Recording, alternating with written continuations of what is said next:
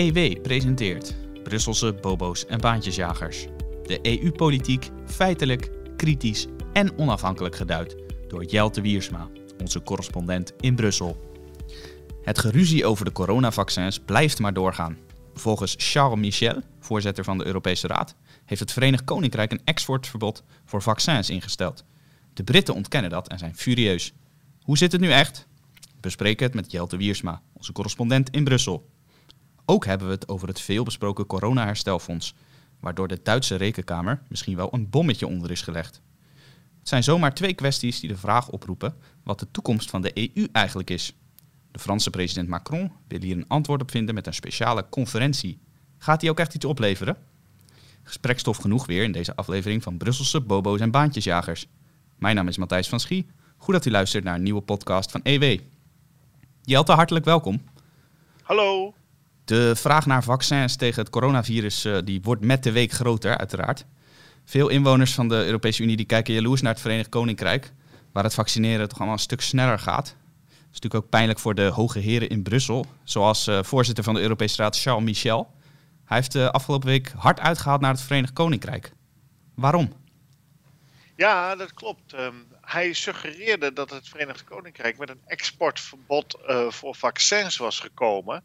En dat vond hij allemaal niet deugen. Daarop heeft het Verenigd Koninkrijk teruggeslagen bij monden van uh, Dominic Raab, de minister van Buitenlandse Zaken. Die zei dat is helemaal niet zo. We hebben helemaal geen exportverbod. nou, dit gehakketak tussen de Europese Unie en het Verenigd Koninkrijk is al langer gaande. Eerder in januari was dat, zei commissievoorzitter Ursula von der Leyen, de Duitse van de CDU.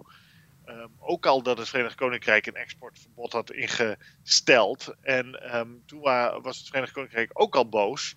Nou, deze, uh, laten we zeggen, scheldpartijen, om het maar even grof aan te zetten, tussen Brussel enerzijds en Londen anderzijds, uh, hebben hun grond in uh, allerlei misverstanden en ook misinterpretaties van elkaars daden. En ook een misinterpretatie hier en daar van hun eigen daden je zou kunnen zeggen dat het um, Verenigd Koninkrijk uh, tot op zekere hoogte een exportverbod heeft voor vaccins. En dat de Europese Unie dat ook heeft. Dus waar ze elkaar van beschuldigen, dat klopt. Maar ze ontkennen van elkaar dat ze dat doen. Dat is wel curieus. Um, en uh, ja, dat, dat, leidt tot, uh, ja, je kan bijna zeggen, een soort uh, kinderachtig continentaal Verenigd Koninkrijk conflict. Dat um, op het continent niet eens zozeer gerapporteerd wordt, maar in het Verenigd Koninkrijk zo wat dagelijks op de voorpagina staat. Ja, ze beschuldigen elkaar dus beide van het voeren van een exportverbod en ze ontkennen dat ze het allebei zelf doen. Waarom ligt het eigenlijk zo gevoelig, een exportverbod? Is het niet gewoon legitiem in zo'n crisissituatie om een exportverbod in te voeren? Ja, dat vind ik ook. Um, en uh, de Europese Unie uh, heeft dus ook deels een exportverbod ingesteld. Ik heb er een keer een stuk over geschreven en gezegd van kijk, uh, Ursula von der Leyen laat het motto van de Europese Unie allen mensen werden broeder. Hè? We worden allemaal broeders van elkaar vallen. Want von der Leyen die zegt simpelweg, ehm, ja het is EU-burgers eerst. Eigen volk eerst eigenlijk in een crisissituatie. En dat is een totaal logische reflex voor een politicus om te hebben.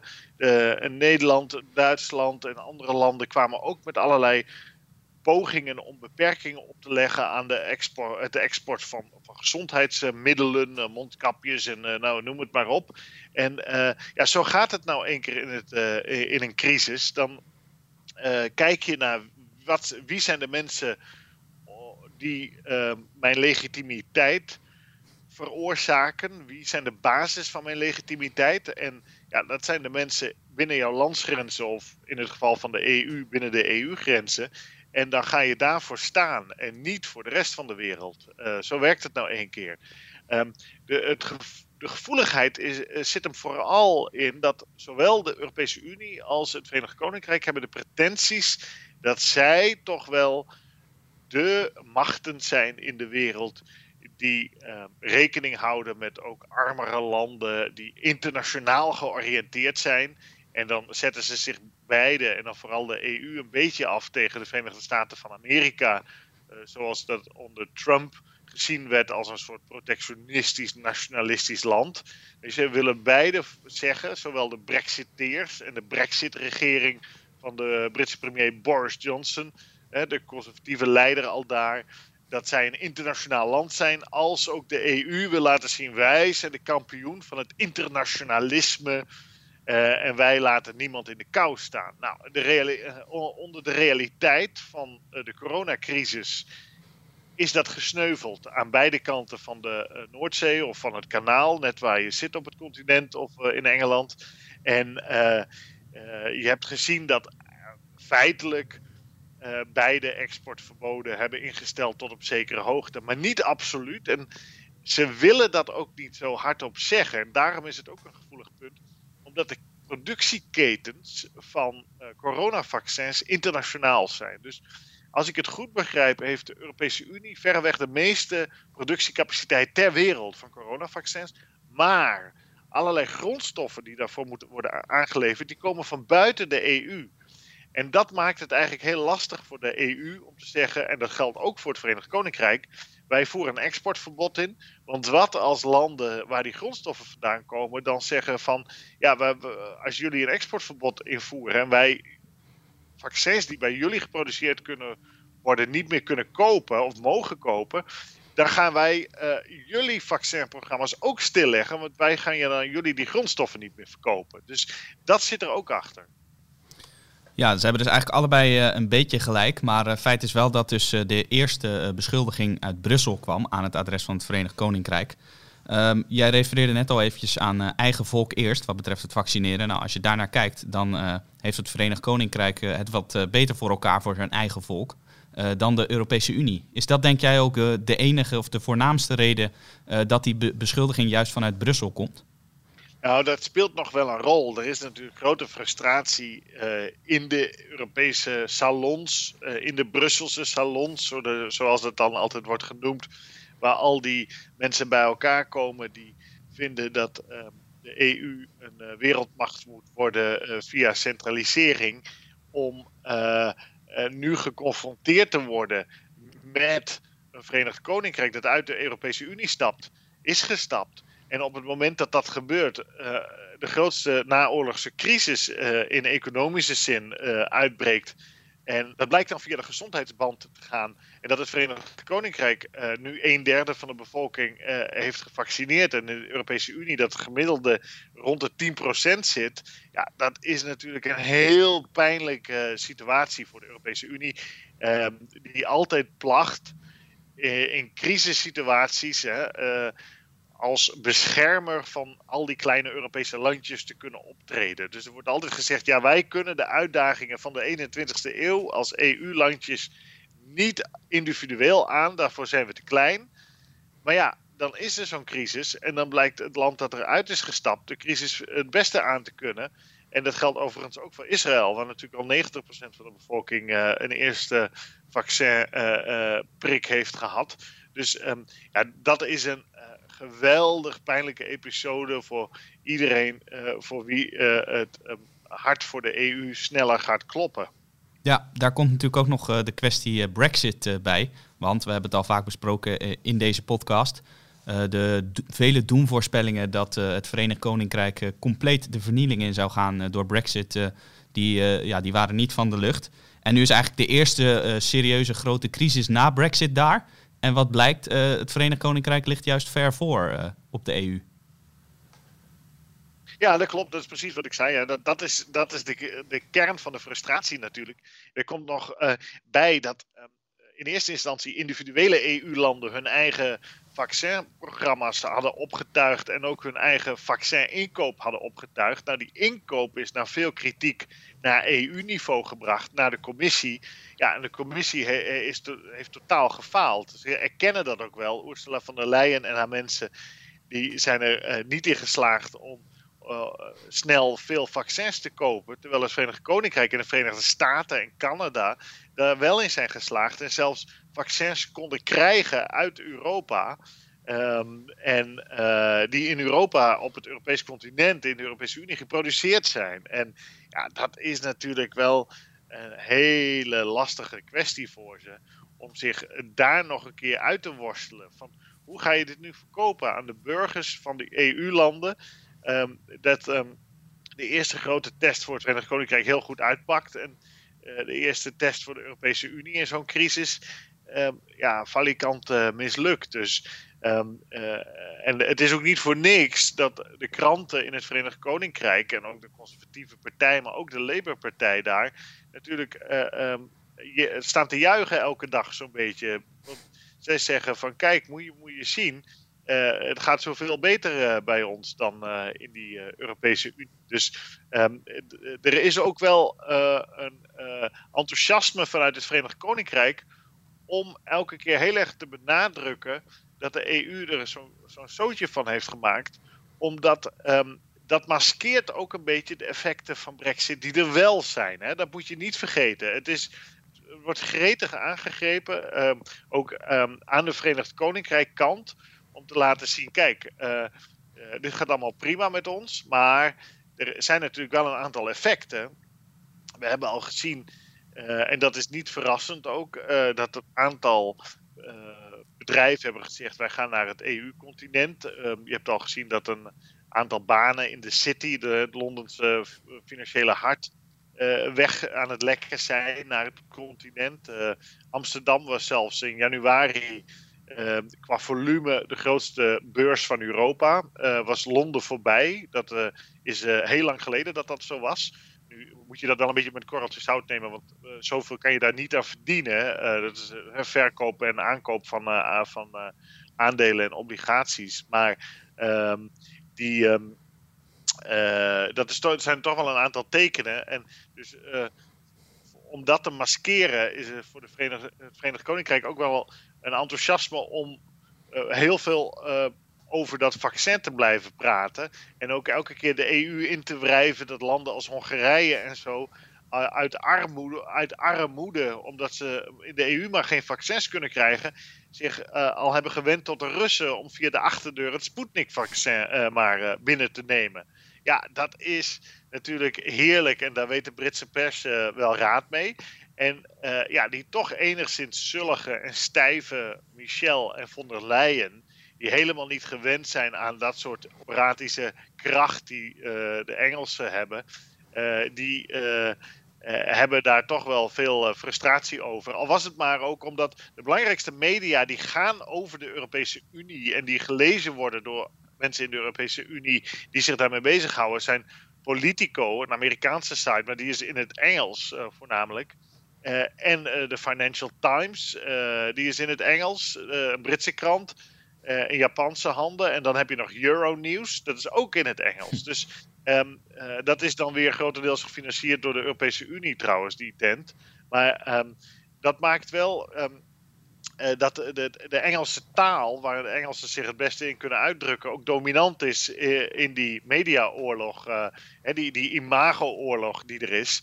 En ja, dan zijn de Engelsen natuurlijk altijd aan de winnende hand, want het is hun taal. Het, zijn, het, zijn hun, het is hun wapen waarmee geschoten wordt. Nou ja, dan kan je wel erop uh, nagaan uh, dat zij daar beter in zijn dan wie dan ook. Ja, ze maken er dus echt een wedstrijdje van in Londen. En dat gaat in ieder geval wat betreft de vaccins hun kant op. Hey, als we nou nog heel even teruggaan naar de actualiteit, naar deze specifieke ruzie. woensdag 10 maart heeft de Britse minister van Buitenlandse Zaken Dominic Raab de ambassadeur van de Europese Unie op het matje geroepen in Londen. is daarmee nu de kous af of gaat dat geruzie nog wel even door, denk jij? Nou, ik denk dat ze nog wel even doorruzien. Ja, dat is nog wel een aardige uh, zijkwestie bij deze. De Europese Unie heeft ambassadeurs in landen over de hele wereld. Met EU-ambassades. Um, dat is onder meer een gevolg van de EU-grondwet. Die de Fransen en de Nederlanders in 2005 per referendum hebben afgestemd. Maar die via de achterdeur er toch is doorgeduwd door de regeringsleiders. En daardoor zijn er nu overal in de wereld EU-ambassades. En het Verenigd Koninkrijk die uh, accepteert geen EU-ambassadeur. Want die zegt, ja, jullie zijn geen land. Dus uh, uh, het Verenigd Koninkrijk heeft wel een EU-ambassade, maar geen ambassadeur. Die wordt daar niet beëdigd. Um, en um, die was ook niet in Londen trouwens. Dus um, Dominic Raab moest het uiteindelijk doen met een tweederangs figuur. een uh, zaakgelastigde, hm. chargé d'affaires, zoals het dan heet. En, maar ja, dan kon hij natuurlijk niet zelf met deze zaakgelastigde gaan praten. Dus hij heeft uh, want ja, in de, diplomatieke uh, verhoudingen praat je altijd met je gelijke niveau. Uh, dus hij heeft een onderknuppel deze zaakgelastigde laten ontvangen. Nou ja, zo heb je allemaal van die plaagstootjes heen en weer. En ja, ik vermoed dat het nog wel doorgaat. Want, um, en dat we Michel en von der Leyen toch als, als goede opvolgers kunnen aanwijzen van Donald Trump. Hè. Kijk, we hebben natuurlijk vier, vijf jaar lang veel plezier gehad met Donald Trump. Die, die toch altijd spannende dingen zei, om het maar eufemistisch uit te drukken. En daarmee altijd in de nieuwscyclus ja, leidend was. En ja, Michel en von der Leyen, die lijken toch het stokje van Trump te hebben overgenomen door allemaal ja, gekke dingen te doen. Dat uh, zullen ze niet als compliment opvatten, deze vergelijking. nou, dat maakt mij niet uit. Hoor. nee, nee. Daar word ik niet uh, onrustig van. Gelukkig uh, kunnen ze dat vast wel hebben. Kijk, deze mensen die zijn natuurlijk het contrast van Trump. Maar in hun, al hun houterigheid en stijfheid en onhandigheid uh, doen ze allemaal uh, zaken waar, je eigenlijk alleen maar eh, van ja, om moet lachen. En soms ook van schaamte onder je bureau wil kruipen. Dan denk je, hoe kunnen ze het doen? Maar uh, ze, zoals uh, over Trump werd gezegd, dat is een gift that keeps on giving. Hè? Een gift die blijft geven. Ja. En um, nou, dat is nu met von der Leyen en Michel ook een beetje zo. Dus we mogen ze in die zin als journalisten in ieder geval dankbaar zijn voor het vermaak dat zij ons bezorgen. En hopelijk de luisteraars en de lezers ook.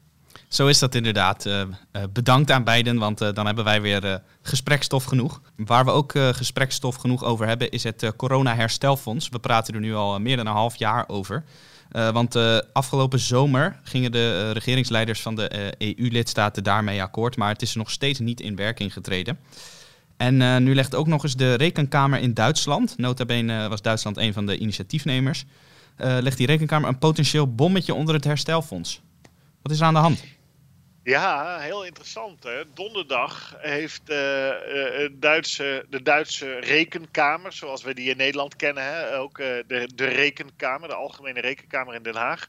Duitsland heeft dat ook en die, dat heet het recht, Rechnungshof.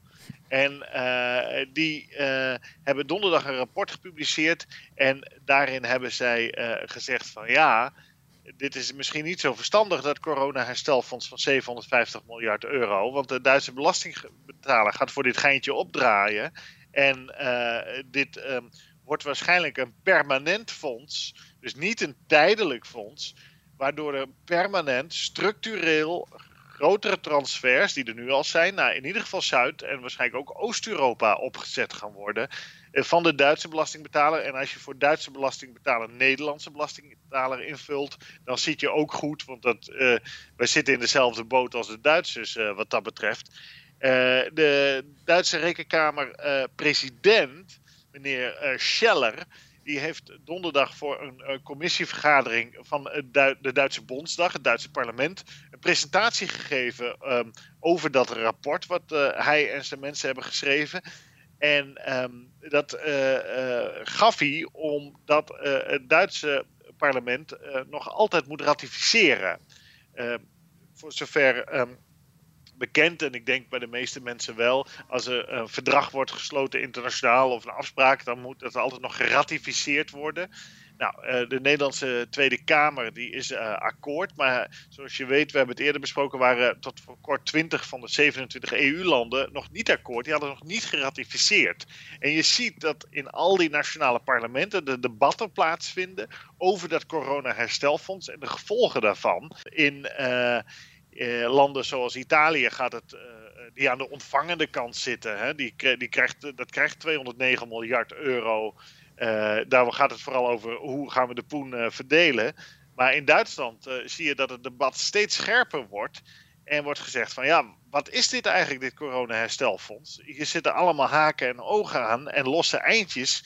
En daar wijst deze rekenkamer op in Duitsland. En ja, dat soort instituties hebben in Duitsland hoog aanzien.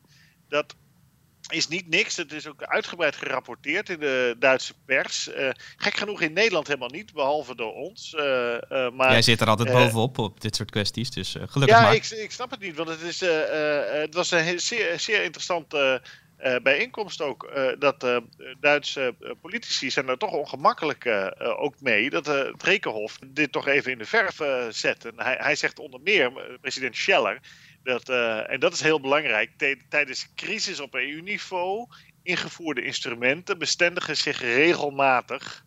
En uh, dat is een ingewikkelde zin om te zeggen van ja, als er op de EU iets wordt ingevoerd, dan kom je er nooit meer vanaf. Uh, dus zo'n corona-herstelfonds is officieel eenmalig 750 miljard. Om de crisis eh, de nood te ledigen van de uh, vooral uh, zwaar getroffen Zuid-Europese landen in economische zin door de lockdowns. Maar ja, de ervaring leert, en dat is natuurlijk zo, dat al die instrumenten die tijdens de eurocrisis zijn ingezet om Griekenland en anderen te redden, ja, die bestaan ook nog steeds. Het Europees Stabiliteitsmechanisme, nou dan weet iedereen wel waar ik het over heb natuurlijk.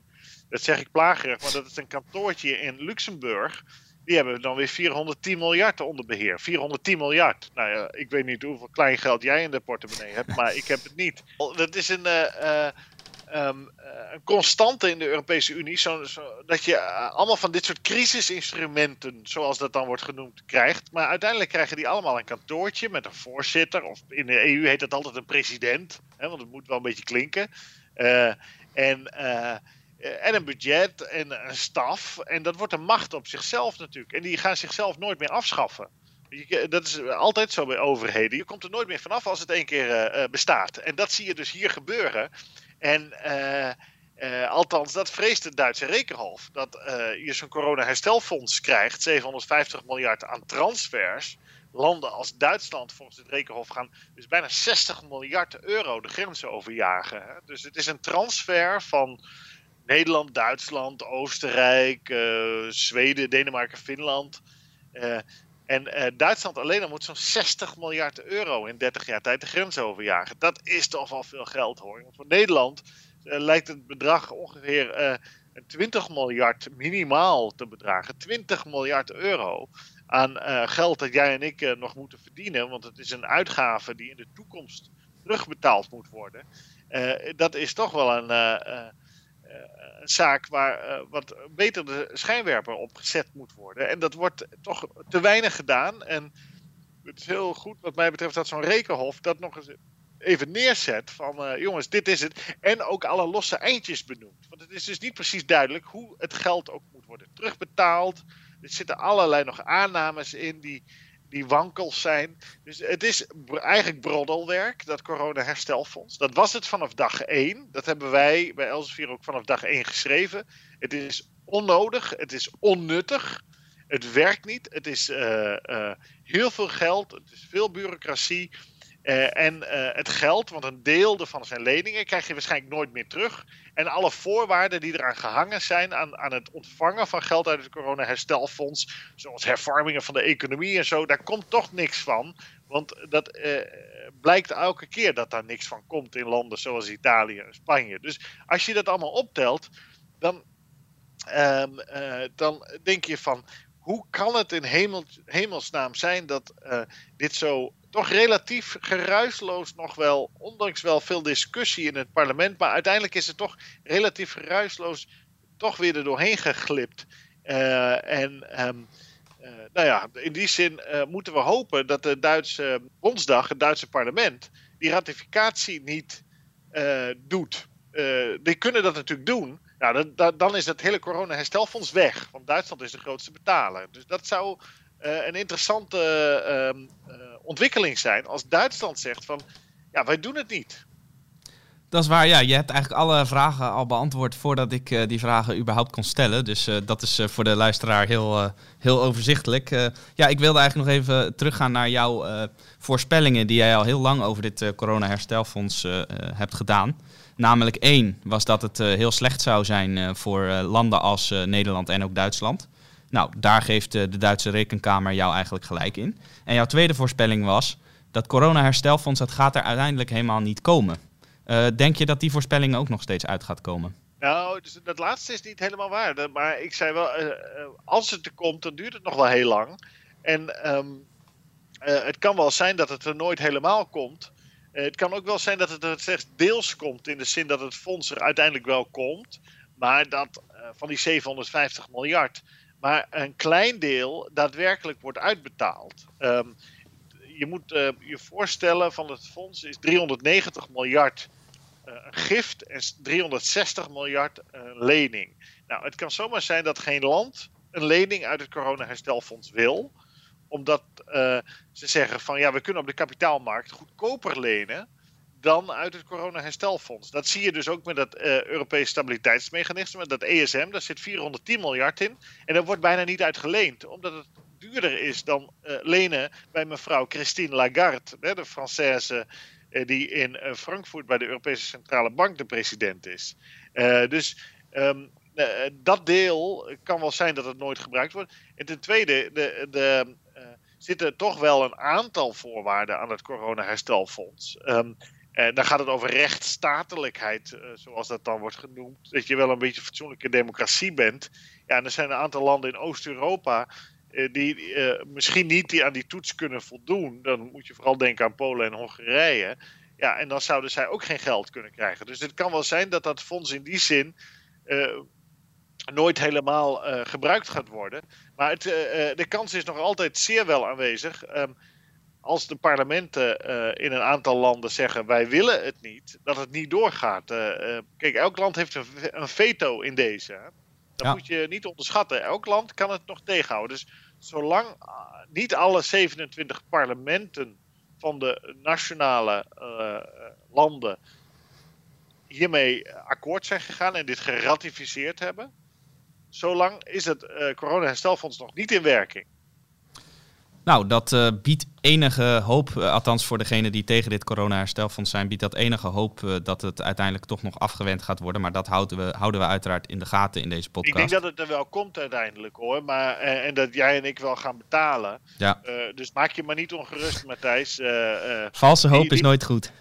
Ja, als jij met pensioen wil, 67, dat, dat uh, wordt hem niet. 70, je moet er nog een paar jaar bij werken voor Zuid-Europa. Ja, die illusie had ik al niet door 67. Maar uh, ik heb uh, voorlopig ook nog helemaal geen behoefte aan pensioen. Dus wat dat betreft is het goed. goed zo. Hey, we hebben het gehad over die gigantische vaccinruzie die tussen de EU en het Verenigd Koninkrijk speelt. en de inkoop van de vaccins die natuurlijk heel moeizaam is verlopen. En nu dan weer dat corona-herstelfonds dat uh, toch ook niet uh, heel veel uh, goeds belooft voor landen als Nederland. En ja, dat soort kwesties roept toch wel een beetje de vraag op welke toekomst heeft die EU nou? Waar gaat die EU naartoe? Twee jaar geleden kwam de Franse president Macron met het idee om daar een conferentie over te organiseren met inspraak van burgers. Hoe zit het nou met die conferentie? Ja, dat is nog maar weer eens een conferentie, want je kan niet genoeg praten natuurlijk.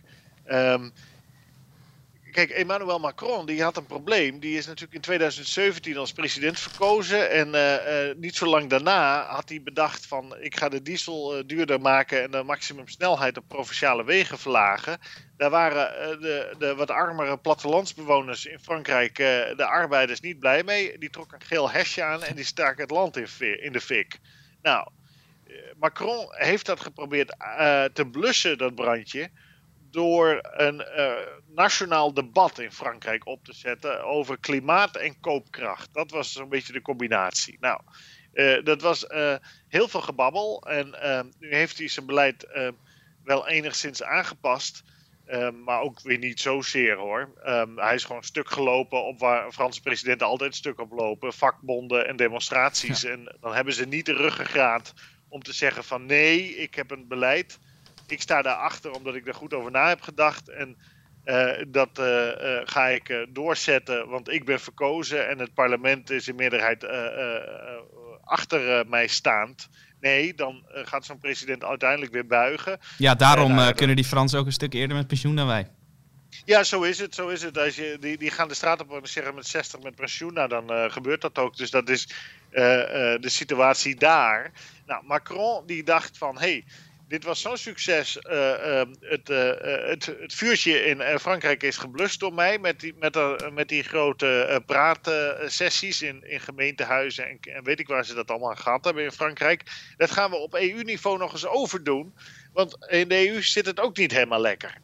Dus um, de, hij heeft in 2019 de andere regeringsleiders overtuigd van het komen tot een uh, conferentie over de toekomst van Europa. En dat moet een tweejarige babbelbox worden, zo noem ik het altijd even oneerbiedig.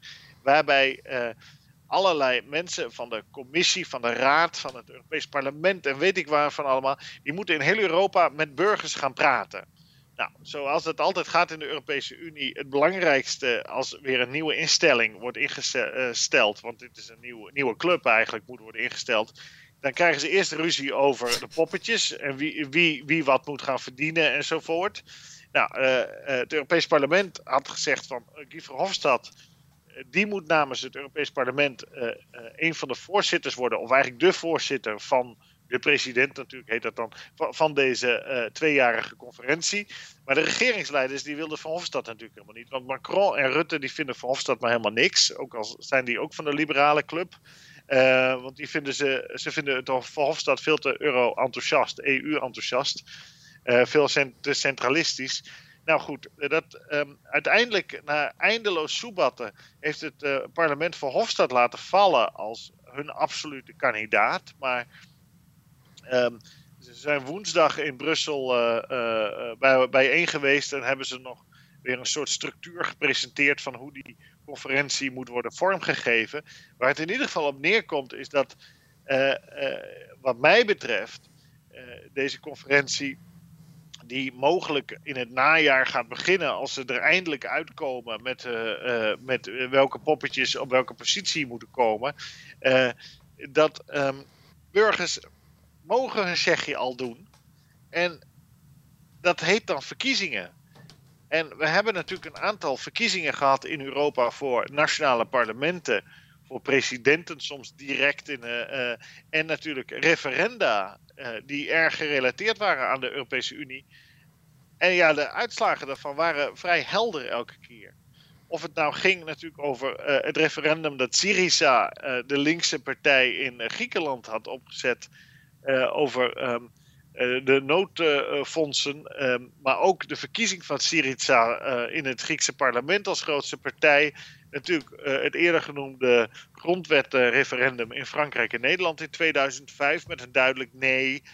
zo heb je nog een aantal antwoorden gehad in een aantal landen over de EU. E en ehm, ja, zoals het altijd gaat met wat in Nederland dan ook inspraak heet. Inspraak, uh, want dat is zo'n conferentie over de toekomst van Europa. Is niks anders dan um, machteloze mensen.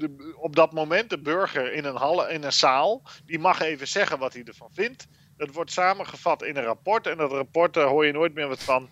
Uh, zolang het niet pro-EU is. En uh, ja, dat is natuurlijk voor de gekhouderij van de burger.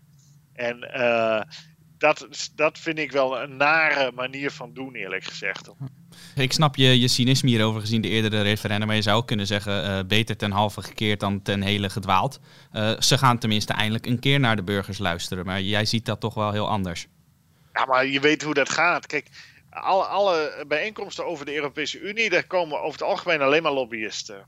Uh, en die zijn allemaal uh, more, voor meer EU. En uh, de groene lobbyist is voor, voor een groenere EU. De industriële lobbyist is voor een industriëlere EU. En zo heeft iedereen zijn praatje klaar. Nou, dat is natuurlijk flauwekul.